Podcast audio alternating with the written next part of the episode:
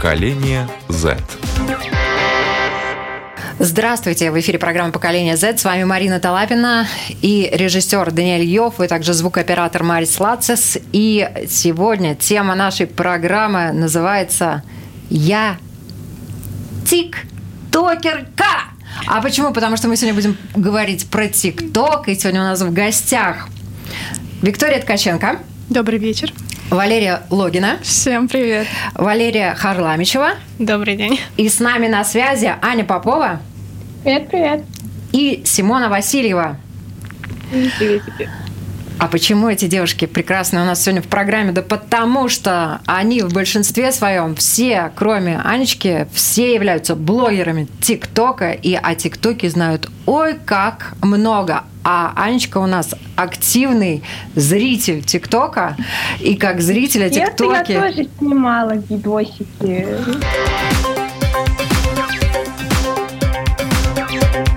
Поколение Z.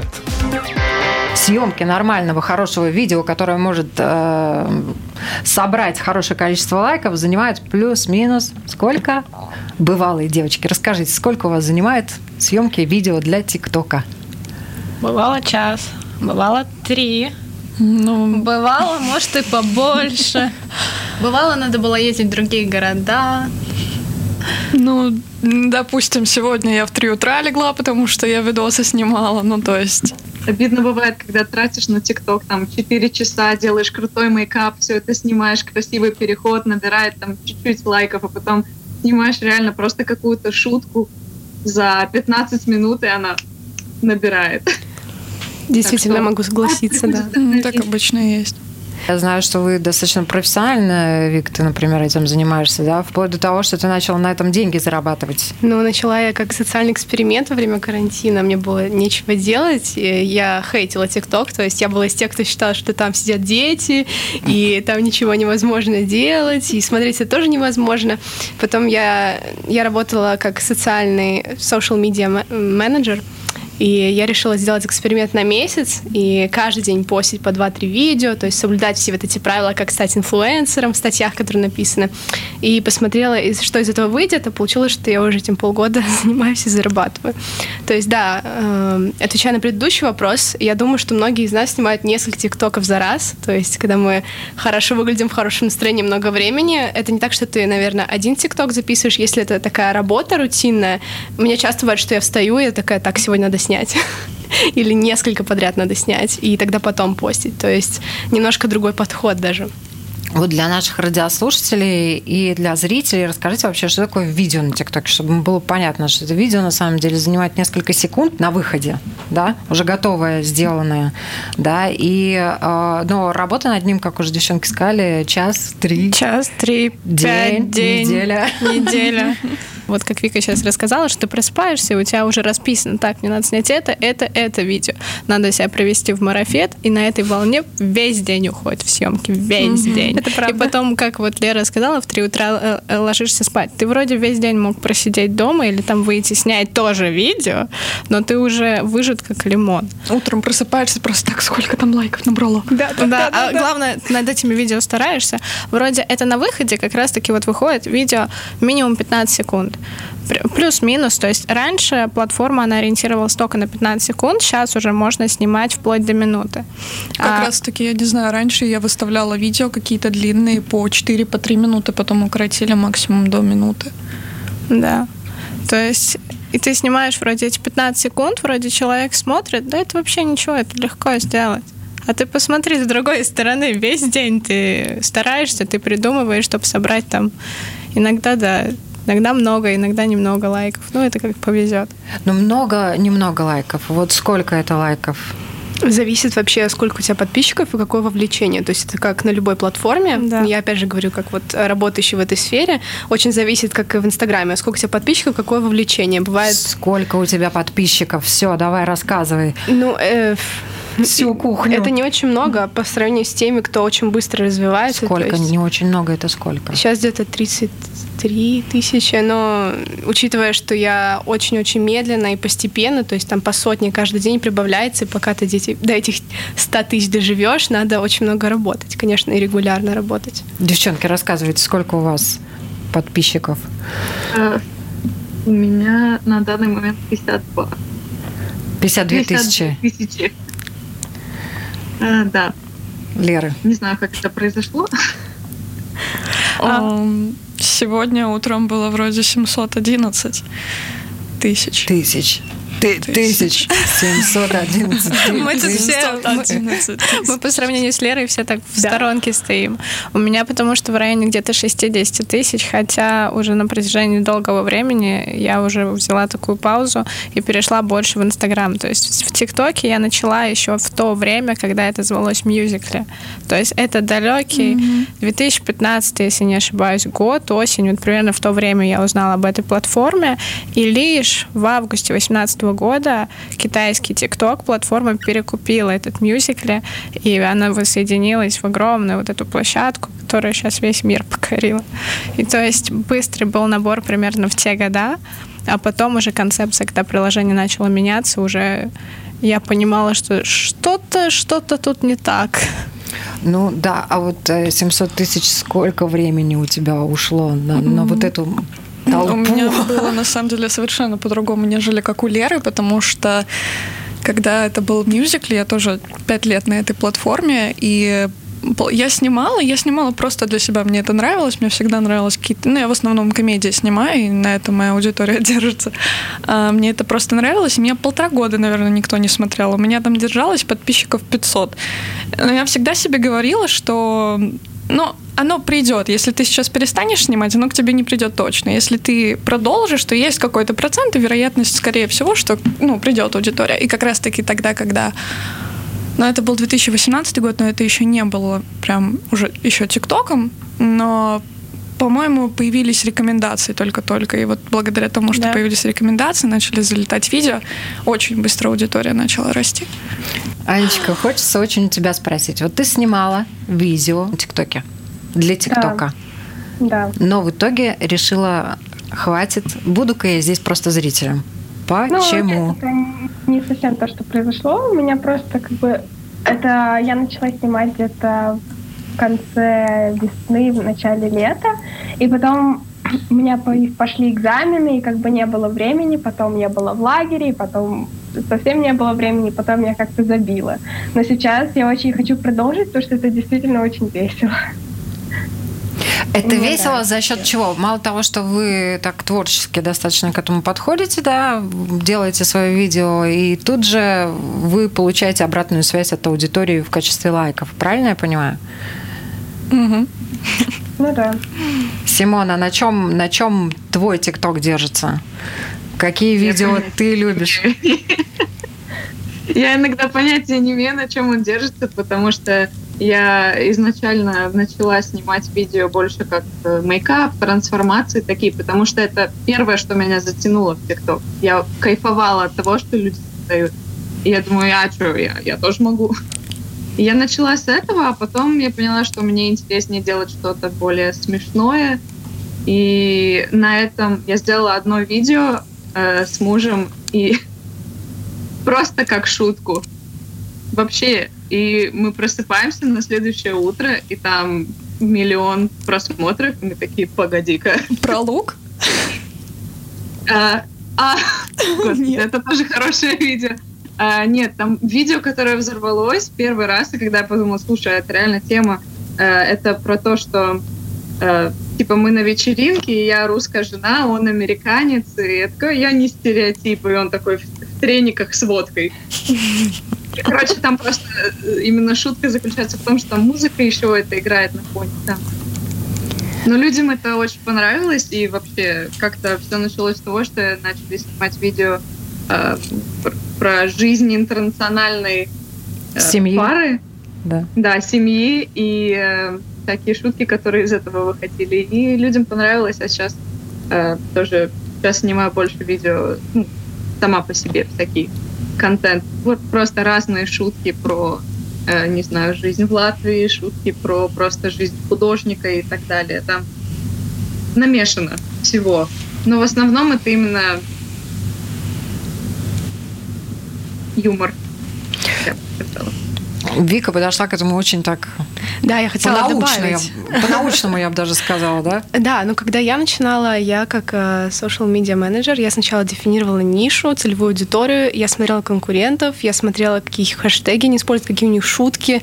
Э, и сначала, конечно, начинается с такого небольшого копирования, то есть ты смотришь, какой контент заходит, и пытаешься его повторить.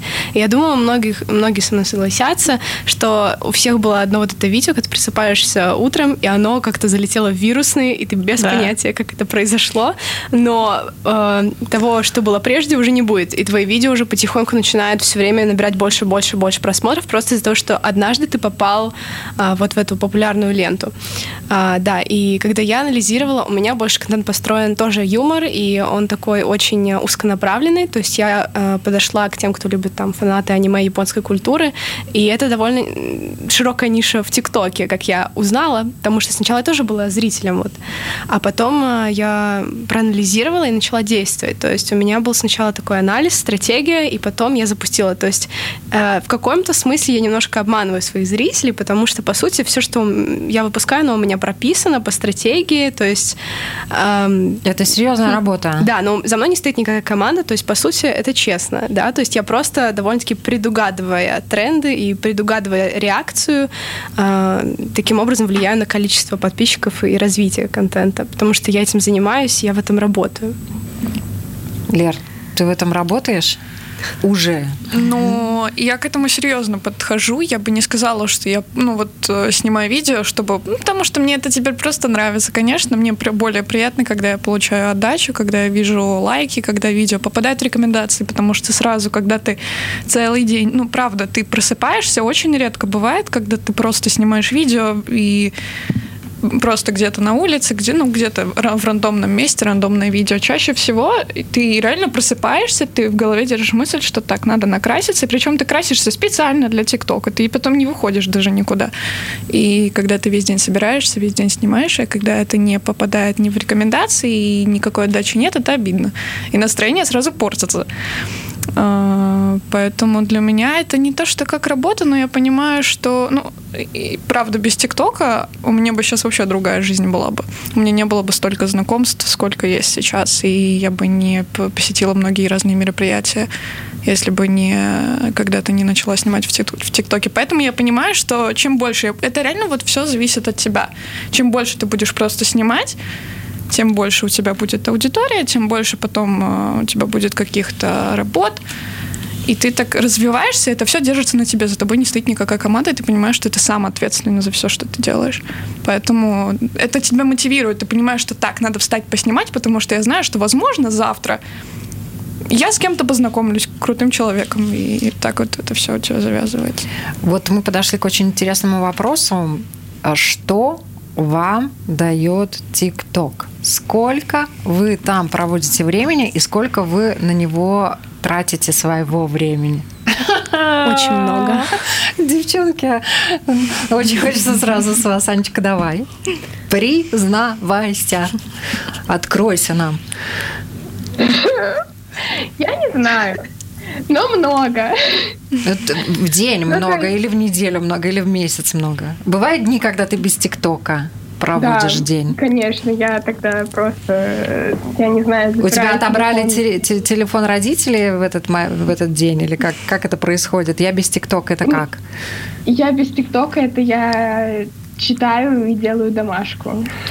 И все. И я даже не смотрю в сторону своего телефона и запираю его, я не знаю, где-нибудь в холодильнике. Вот это сила воли. Ну, ну, Ну, холодильник. окей, в холодильнике, может, я его не запираю, это я просто образно так сказала, но... Это мне запереть телефон в холодильнике, еще к холодильнику весь день не подходить. Двойная сила воли. Да-да-да. Ну, то есть, когда мне надо что-то сделать, я делаю. Но Да. когда мне нечего делать, я просто сижу и туплю, и лежу на кровати, и потом понимаю, что сейчас 2 часа ночи. Засосала. Бывает такое. Да. Э, Си- э, Си- Симона, я видела твои реакции невербальные. Вербализуй, пожалуйста. Как у Ну, тебя? Из-за того, что ну, последние несколько месяцев я большую часть времени находилась на карантине дома, э, без возможности выхода. Я тратила на ТикТок достаточно много времени, да. Ты выходила в ТикТок? Ну да, то есть я большую часть времени, мне кажется, как, как мы все все-таки зрители, потому что так мы начинаем искать, э, находить, точнее, какие-то идеи, крутую музыку, под которую мы тоже хотим снять. Ну да, я очень много времени смотрю ТикТоки, иногда слишком. Ну, сколько времени ты, помимо того, что смотришь, сколько ты вот именно тратишь времени на то, чтобы снять в неделю? Сколько ты клипов выкладываешь? Честно говоря, когда как. Э, я, наверное, э, противоположность, э, к примеру, Вики, правильно? Угу. Да, потому что я начала это просто для себя, и я, в принципе, продолжаю это делать так по наитию. Да. У меня нету, да, у меня я стараюсь не выкладывать э, контент, если у меня реально нету вот я потому что если я сделаю видео, выложу его, но оно само мне не нравится, и я через час его удалю. Поэтому я просто жду вот этого момента, когда я найду подходящую музыку, подходящую идею, я снимаю, вот тогда я довольна. Так что иногда бывает, я нахожу какой-то звук, и у меня сразу в голове складывается пазл, и я так, так, этот звук подойдет с этой шуткой идеально. И последний, ну, даже с самого начала я не всегда крашусь, я просто переодеваюсь из пижамы в нормальную одежду. И снимаю ТикТок, э, иногда на него уходит буквально 10 минут. Если есть четкая идея, принципе, не так много может уходить. То есть, скажем, на этой неделе я выложила сколько? Три видео. На одном шло больше времени, потому что я его именно монтировала вне ТикТока и загружала. А остальные два, ну, может быть, максимум 40 есть. Так что, когда как, по-разному, если честно. А, но я провожу больше времени, смотря ТикТок, я скажу это точно потому что это затягивает. Угу. Лера, у тебя как? У меня с да. времяпровождением в ТикТоке, а, так как, э, наверное, последние стабильно, как полгода я перешла более в стадию зрителя, потому что лично для меня эта платформа а, как творца и жила, мне кажется, я уже все, что могла туда отдала. Вот. Плюсом а, у меня вот переход выходит от бывшего мюзикла к ТикТоку прошел не очень плавно. Я не поняла изначально концепцию ТикТока и как-то вот этот нужный момент для себя упустила. Со стороны зрителя провожу, да, как начался карантин, я могла, наверное, вот проснулась, в ТикТок зашла, и минимум до, до какого обеда досидела, сходила, покушала, все, вернулась. Может, YouTube посмотрела, обратно в ТикТок. Мне, мне потом я подвожу такая итоги недели. Так, дома отсидела, ТикТок отсмотрела, когда рекомендации эти закончатся, потому что ты заходишь, и это бесконечная лента, она никогда не кончается. Вот. А когда я снимала видео, а, я, наверное, в неделю у меня, наверное, выходило от трех до пяти видео, примерно так. И тоже в зависимости от того, какая была задумка. Но так как тогда контент, он был попроще, мне кажется, чем сейчас. Хотя пару лет назад были очень актуальны эти различные переходы, я на них могла уходить спокойно там по 3-5 часов их снимать. Вот. А иногда можешь просто видео, там, не знаю, телефон поставить, легкая идея пришла, бац, 10 минут прошло, у тебя видео сделано идеально, ты его взял, выставил. Это очень такой вопрос. Не знаю. Наверное, в день вот у меня... Ну, в день у меня стабильно 3 часа уходило. И как зрителя, и как творца. Минимум это, наверное, было чемпион наш, который близится к миллиону. Нас, наш местный чемпион. Сколько времени ты тратишь? И на видео? Сколько видео в неделю ты выкладываешь?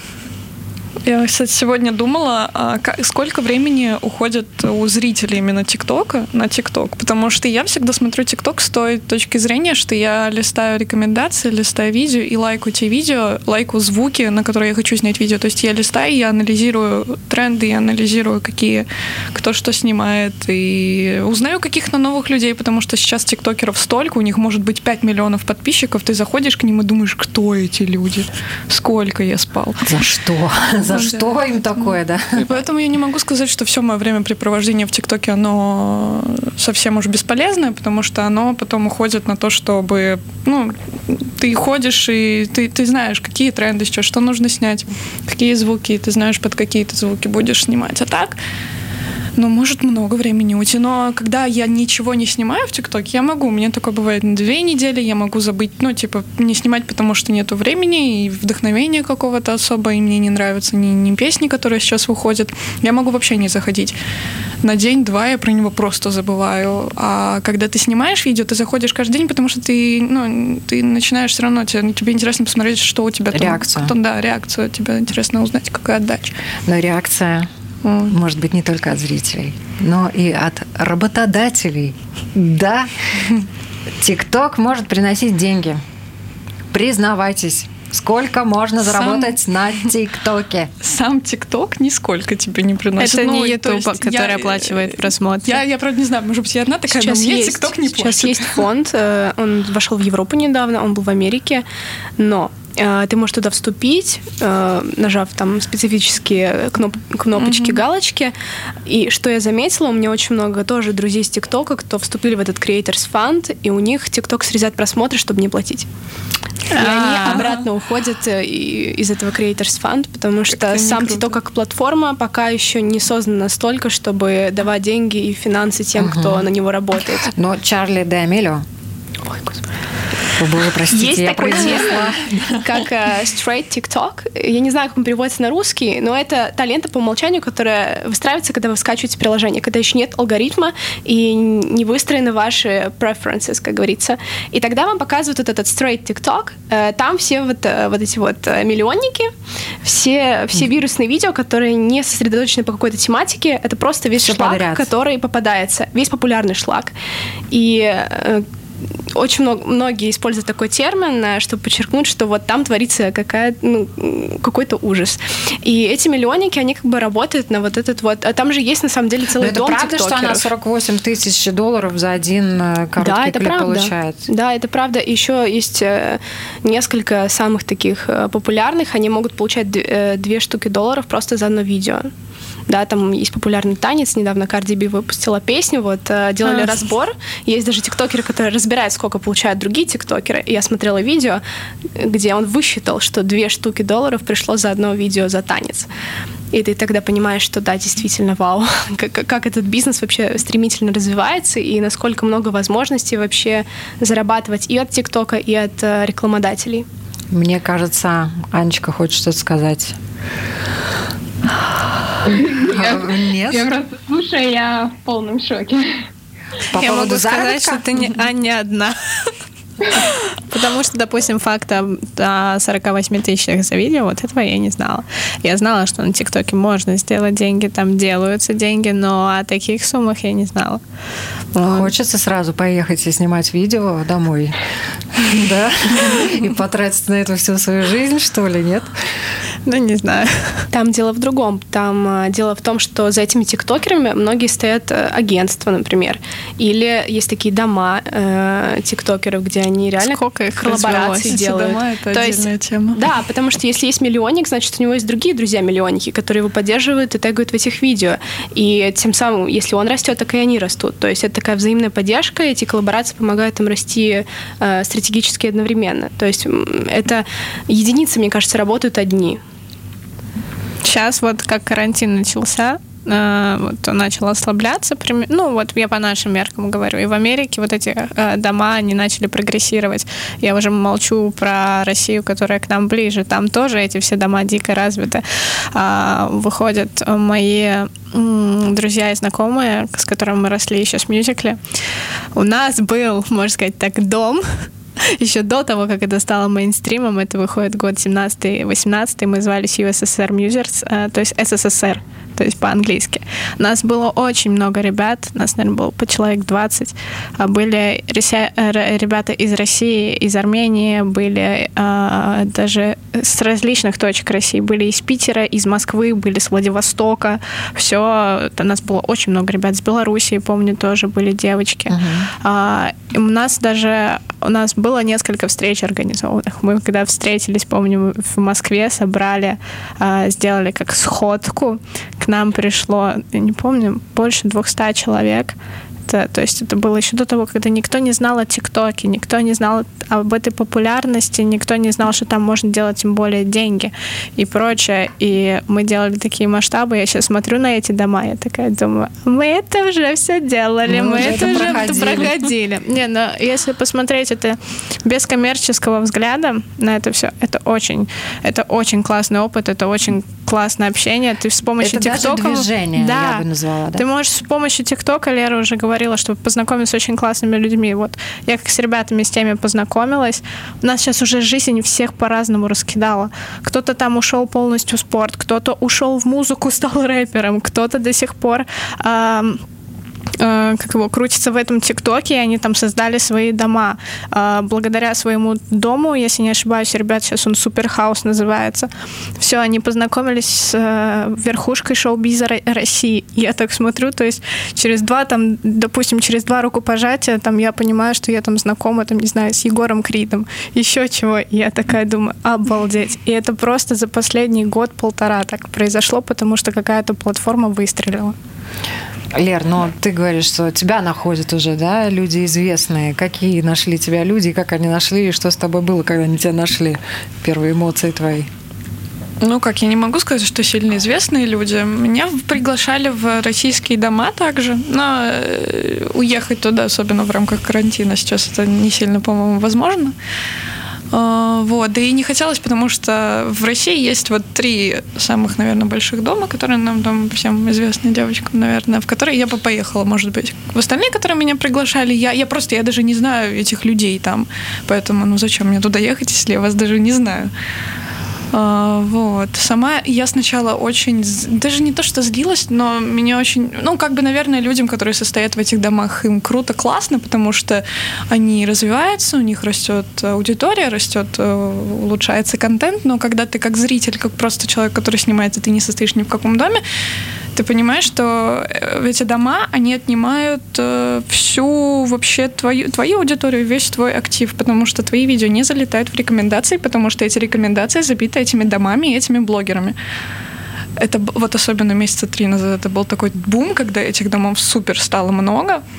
И просто это, это не только у меня было, на это жаловалось очень много тиктокеров. Это было обидненько, но сейчас вроде все настраивается, но и так все, все равно как-то, я не знаю, у меня в последнее время с ТикТоком что-то оно не залетает, оно не, не работает, что-то как-то сломалось. Теневой бан. Ну, я ничего такого не делаю, чтобы меня кинули в теневой Иногда бан. бывает. Мне тоже я, бывает. Я сколько лет э, сижу в ТикТоке, я никак не понимаю, как он работает. Я тоже.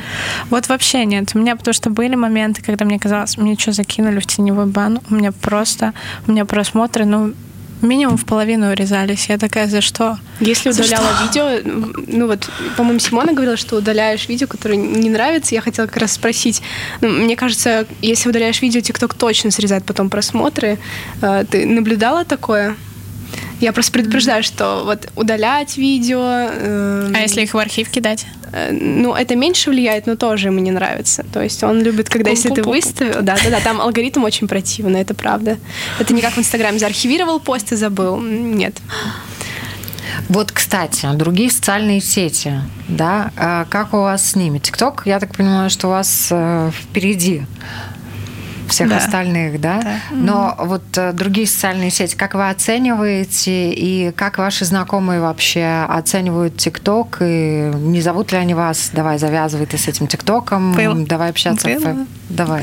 А, когда это все только начиналось, еще был мюзикле, ой, если первые полгода я снимала для себя, никто толком вообще не знал, что это за платформа, она еще не имела никаких ни оборотов, ничего, а никто не знал о том, что я снимаю. Потом как-то в школе там видели, что это там Лера снимает, мои друзья начали находить, и кто мне действительно был близок из друзей, те даже никакого комментария не давали. А вот там в школьных коридорах, особенно старшеклассники на то время, любили подколоть, что там что, снимаешь что-то, а ты там это, а ты звездой типа стать хочешь? Я такая, ну, хорошо, разговаривайте. Потом проходит годик, у меня начинает видео выстреливать, у меня начинает вот набегать аудитория из серии там за полгода, может даже меньше, у меня там 25 25 тысяч накопилось. И все как-то потихоньку, все меньше и меньше разговоров. А, все больше и больше респекта. Все потихоньку больше респекта. Потом аудитория начинает еще накапливаться. Я начинаю выходить немножко на другой уровень. Мне интересно встретиться со своими подписчиками. И у меня было одно очень излюбленное место, наша бастионная горка. Я любила там время от времени делать примерно раз в полгода чаще, да, раз в полгода или раз вот в три месяца я делала встречи с подписчиками. И первый раз ко мне там пришло девочек 15, потом 50, потом 70, потом 110. И вот до этой 110, э, когда ко мне пришло вот до сотни человек, все такие ха-ха-ха, там Клере подписчики ходят, типа, а, смешно. 110 человек пришло, видео, все увидели, а, ладно, окей. И все, молодец, она все. И я ничего ни плохого не говорил. И то есть смешно было за этим наблюдать, как люди, пытаясь как его, оставаться, не знаю, крутыми, не крутыми, что-то им неизведанное, они пытались сразу отвергнуть, сразу оскорбить, э, ну, оскорбить в том, ну, и меня в том числе, мой род деятельности, потому что они боялись начинать снимать, а я сделала это. А потом, когда видели, что это реально приносит плоды, они такие, «А, ну я вообще-то всегда за, за тебя был. Ты просто меня не так поняла. Я на самом деле тоже в следующий раз приду, да? Да. Не, ну вот, кстати, вот такие вот тоже комментарии были. Или там люди думали, да я к тебе в следующий раз приду на сходку, пос- посмотрю, сколько у тебя человек. Некоторые реально приходили, увидели толпу, развернулись, ушли. Дыр, как у тебя? А, не, на самом деле, правда, что люди, которые раньше, ну не то, что даже меня никто никогда не оскорблял, но те, которые просто равнодушно к этому относились, сейчас говорят, а давай снимем видео. Ой, отметь Да. меня. А давай отметь меня в истории и пропиарь Вот это меня, самое пожалуйста». популярное. Это просто, это любимое. Одноклассники буквально просто. Отметь меня в истории, давай пропиарь меня. Ну, как бы это полу в шутку, но как бы это все равно есть. А, меня... Я изначально ТикТок начала снимать, э, ну, как бы потому что мне это нравилось в мюзикле, но мне снимало тогда очень много своих подружек, знакомых всяких. У них почему-то всегда видео больше залетали, у них было больше лайков. Я сижу такая, думаю, ну, а вы еще обо мне увидите, услышите. И эм, поэтому как-то снимала, снимала очень много моих знакомых, и мы просто, ну, это было как просто вот для себя, ну, просто прикольно, да. девочки любуются собой, там, видео снимают. Потом осталась я одна. Я снимала, снимала, я снимала всякие... Я же, ну, я полно... Я там, я там кривляюсь, мне всегда было пофигу, как у меня там лицо выглядит, мне, мне вообще абсолютно все равно. Мне главное было, чем я там страшнее, тем, значит, смешнее, тем у меня всегда больше лайков было. И эм, родители меня тоже всегда очень поддерживали. Меня когда папа узнал, он говорит, все, ты ничего не делай, учи английский, снимай тиктоки. То есть он был очень за, за то, что я снимала эти видео, и сейчас за, потому что он, ну, он сам видит, он в этой теме разбирается, он видит, как это все развивается, и он понимает, что раз его дочка в этой теме находится, то как-то надо ее в этом поддерживать. И все мои друзья, там, одноклассники, никогда не было никаких там... Для меня ТикТок даже сейчас остается у меня Ой, несмотря на то, что там 700 тысяч, мне до сих пор кажется, что ТикТок никто не смотрит. То есть, если я выложу видео на YouTube, мне кажется, меня там все увидят сразу, потому что YouTube. А ТикТок это так, это ТикТок это просто это то, что может делать каждый, это просто ну, на телефоне. Оно вот, ну, вот это, оно как-то что ли безобиднее, что ли, я не знаю. И поэтому мне всегда кажется, что это ТикТок никто не смотрит. А потом я слышу, как обо мне кто-то говорит за спиной, тиктокерша идет или, или там, ой, я видел твое видео. То есть у меня иногда ситуация недавно была, я выложила видео э, со школы, а там был один инцидент, который нельзя было никому видеть, это школа вся увидела, и потом там разборки были, а я думаю, учителя смотрят, а мне до сих пор кажется, что его никто не смотрит, и мне вот такое, такое мне отношение к нему, что я выставляю себя вот в каком-либо, Вот- неважно, свете, и мне абсолютно все равно. Я тебя слушаю, у меня такое впечатление создается, что вы к нему, э, ну, как for fun относитесь, ну, если так можно выразиться, да. Ну, ну да, ну есть, но на самом деле вы же, получается, популярны, у вас подписчики, десятки тысяч, сотни тысяч, да. Вот когда я с ними встречалась, вот мы приходили вот, вот когда я встречалась со своими подписчиками на Бастионной горке, когда эти встречи происходили, или когда мне просто, я иду по ТЦ, и мне подходит девочка, а можно сфотографироваться? Мне всегда было приятно видеть людей, и у меня всегда в этот момент а, как такое озарение. Это из раза в раз было, и даже сейчас, когда спустя уже столько времени все равно меня узнают на улице и подходят, у меня такое озарение, что а ведь это же реальные люди, это же не просто цифры в интернете. Потому что вот из-за того, что ты этих людей не видишь, из-за того, что, может быть, эта аудитория, она в какой-то момент быстро набежала, ты не осознаешь, насколько это большая аудитория. Ведь потому что вот у Леры, у него больше 700 э, тысяч подписчиков, но это же целый стадион. И ты вот начинаешь это, вдумываться. Это, это, это много стадионов. Это много стадионов. Это, ну вот, как, ну вот, даже просто, это вот, это целый стадион людей, которые вот там Арена все во время смотрят, концертов тебе 10, нравится. 13, 30 тысяч собирают, а у тебя 700 тысяч. То есть у вас по стадиону плюс-минус по два, да, а у Леры там 10 если вот, не больше. Вот в вот такой момент вот просто меня прям как озарение, что это же реальные люди меня смотрят. Потому что у меня тоже был, как у, у Леры, такая же ситуация, что да кто этот ТикТок смотрит? Да, там лайки идут, но это, наверное, не мои, не друзья, не знакомые. А потом встречаешь или знакомишься с человеком. У меня даже вот недавно, тут неделю назад была ситуация. То есть я там пришла в новую компанию, я такая, типа, у меня девочка со мной здоровается, она говорит, привет, меня зовут там, допустим, Маша, а кто ты, я уже знаю, я тебя в ТикТоке видела, я такая. Да, так все время. Ну, то есть ты приходишь в компанию, думаешь, и тебе даже не хочется, чтобы тебя там кто-то знал. Да. Ты просто, ты просто да. приходишь как человек, ты даже забываешь про то, что у тебя ТикТок есть. И ты приходишь, ты понимаешь, что люди про тебя уже половину знают, и, и у них там, они видео твои смотрят, на тебя подписаны, и ты думаешь, да, ну, что ж такое?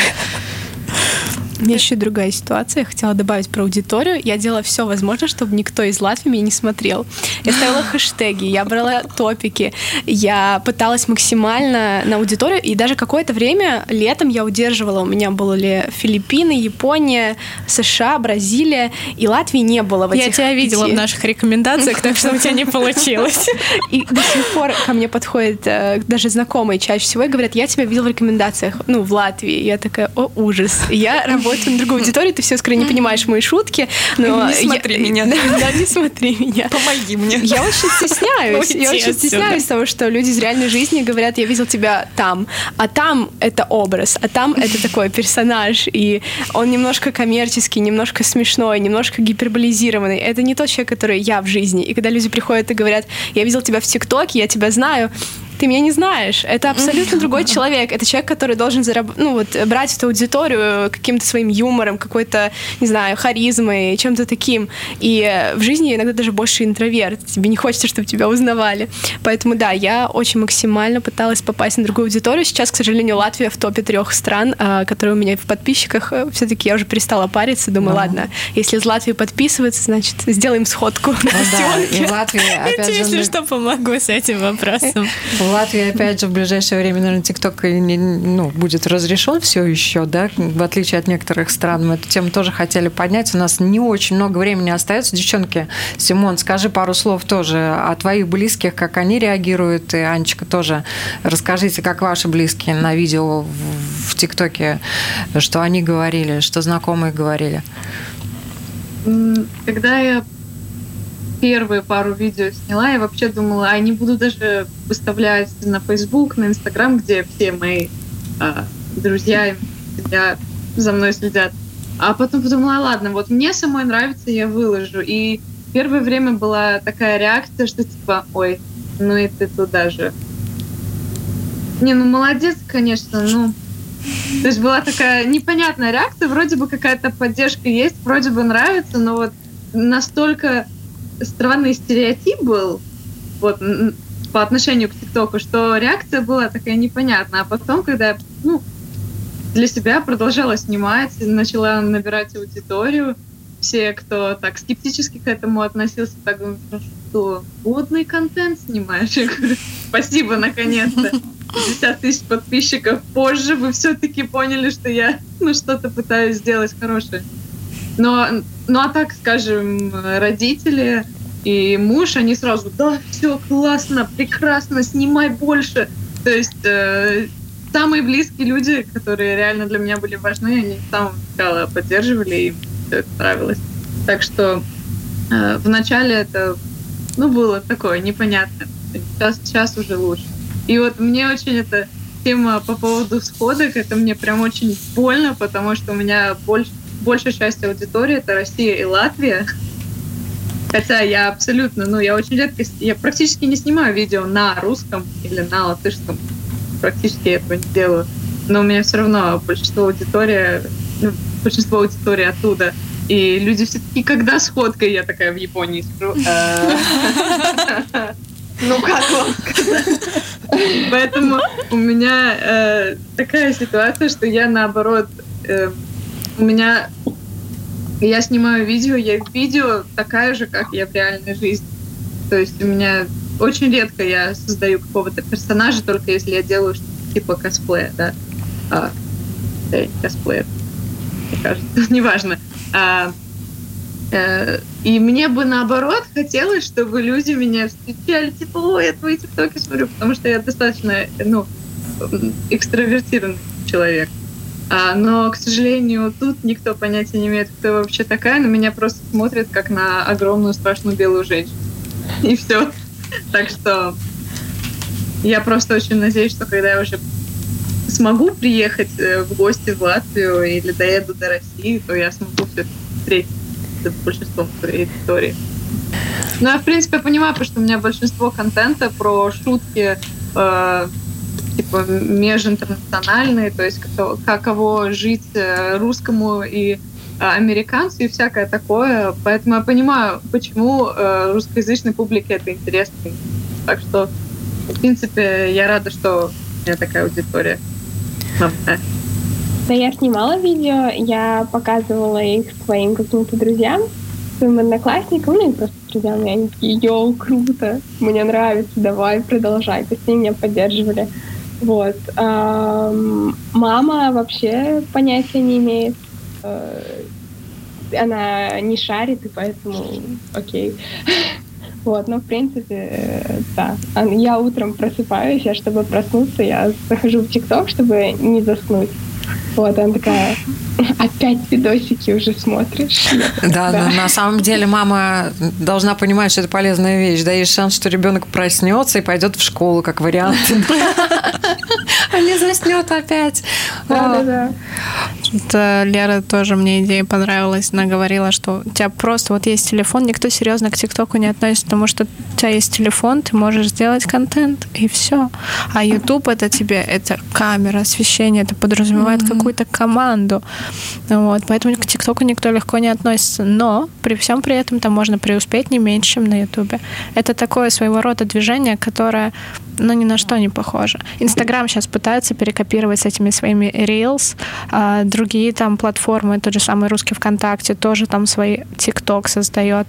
Но ни, ни у кого, ну, не получится это... Ну, никуда не уйдешь. Если да. TikTok заблокируют, не хочется уходить в, во ВКонтакте, в Instagram, в Likee, никуда. Ну, TikTok Likee это... это вообще отдельная история. Индусы сейчас э, создали аналог ТикТока, так как у них запретили. И Трамп сейчас тоже, по-моему, должен был подписать бумажку, которая якобы должна запретить, э, если никто не Зарабатывает деньги тинейджерам, да, на TikTok е. Потому что TikTok, на самом деле, очень много собирает данных. А, а мы все знаем, вот недавно вышла документалка Social Dilemma про то, что TikTok еще разрабатывал алгоритм, из-за чего мы все сидим там часами. А, хорошо продуманный алгоритм, чтобы нас затягивало всех. Еще один минус такой социальный. Но я согласна с э, Лерой про то, что TikTok — это уникальная вещь в том плане, что там язык общения максимально простой, простой до такой степени, что любой человек, вне зависимости от национальности, пола и возраста, может понять контент.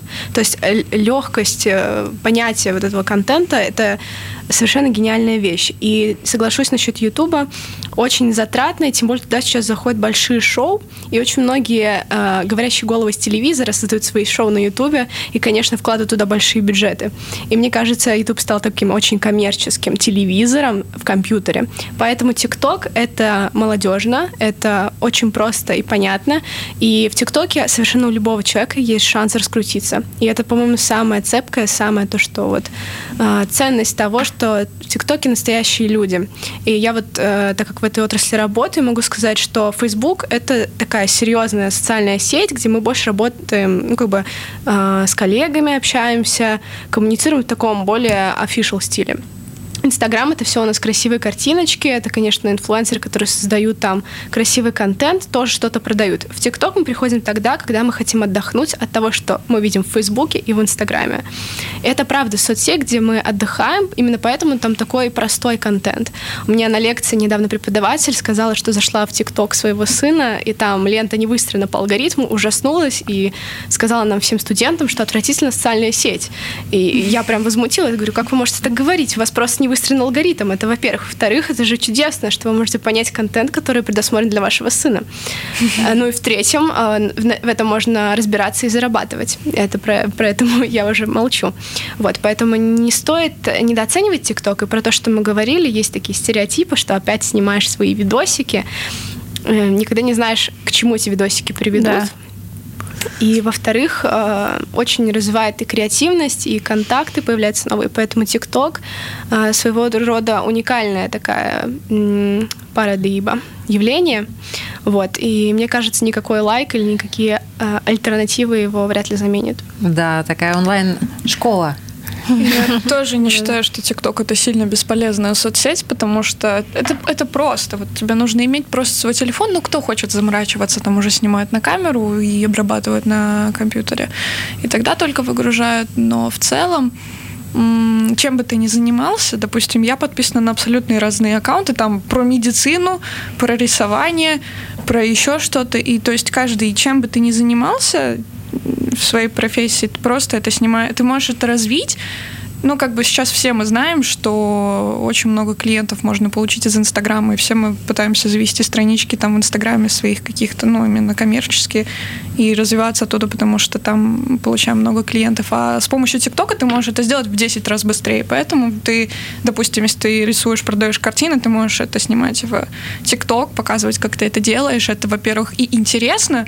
Ну, мне, допустим, интересно смотреть, э, потому что я могу узнать, ну, допустим, я смотрю, как про медицину там что-то рассказывают, про какие у нас органы. Я это в жизни, ну, как бы не узнаю. Ну, то есть, э, прям так. А так ты просто... Это интересно. То есть не всегда ты просто тупые видео смотришь э, вообще без смысла. И это полезно тем, что ты можешь вот так вот и развивать э, себя в плане клиентов себе привлекать тоже можешь. Симона. Да, я хотела тоже сказать, что на самом деле я уверена абсолютно, что у каждого из нас лента абсолютно разная. Я за время пребывания в ТикТоке такой, э, так алгоритму надавала информацию, что я в основном нахожусь э, в ТикТоке американском, в основном. Э, и в основном на ТикТоке э, ЛГБТ и ТикТоке эм, у меня как ЛГБТ, косплееры, э, художники, психологи и феминисты. То есть у меня такое. И на самом деле, да, очень много из, из этих людей, на которых я подписана. А, бодипозитив. Очень люблю их, эту комьюнити. И на самом деле огромное количество видео просто шутки, какие-то смешные ситуации, и вот э, люди из этих разных э, комьюнити поднимают, э, не просто шутят о каких-то проблемах, но они также дают знать о том, что это происходит сейчас. Вот это нам нужно с этим бороться. И мне кажется, э, пока я была в ТикТоке, я узнала об огромном количестве проблем, про которые мы можем не слышать э, вот, э, в СМИ постоянно, потому никто не хочет такое проплачивать. Потому что, вот как сказала Вика, э, ТикТок, он больше реальный, там ну, практически без фильтра. Люди реально рассказывают э, про свои проблемы, они могут рассказывать это через шутки, могут рассказывать что-то, вот, различные советы, э, объяснять какие-то теории, которые э, вот особенно меня было интересно услышать про, скажем, феминизм, потому что так много стереотипов вокруг этого движения. А на ТикТоке я нашла много создателей, которые знают, о чем они говорят, и объясняют, не надо вот это делать, вот что означает феминизм, на самом деле. Вот такие маленькие детали, даже иногда, ну, удивляюсь, как много я узнаю в ТикТоке, правда. Тут уже зависит от того, на какой контент ты сам фокусируешься и какой контент ты, а, ну, лайкаешь, uh-huh. контент ты репостишь на свой uh-huh. Ну, ты очень тему интересную обозначила. И, э, Анечка, вот я хочу тебя спросить по поводу вот тренд, э, который ТикТок э, несет в мир. Я думаю, что определенно это, как уже сказали предыдущие персоны, это какая-то образовательная фишечка, то, что действительно очень много можно узнать. Больше, чем на уроках в школе.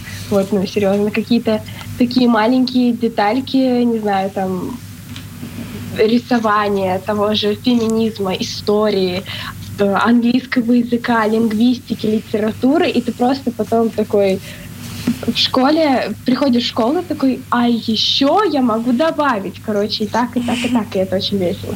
Ты можешь быть умнее учителя, и это прям так очень классно. Вы обозначили очень серьезные темы, и вот то поверхностное отношение э, к ТикТоку, первое впечатление о нем, оно на самом деле обманчиво, и то количество пользователей, которые уже больше миллиарда, тоже говорит само за себя. Спасибо вам большое за участие в этой программе. Я надеюсь, что мы еще встретимся, еще обязательно поговорим. Всем хорошего дня!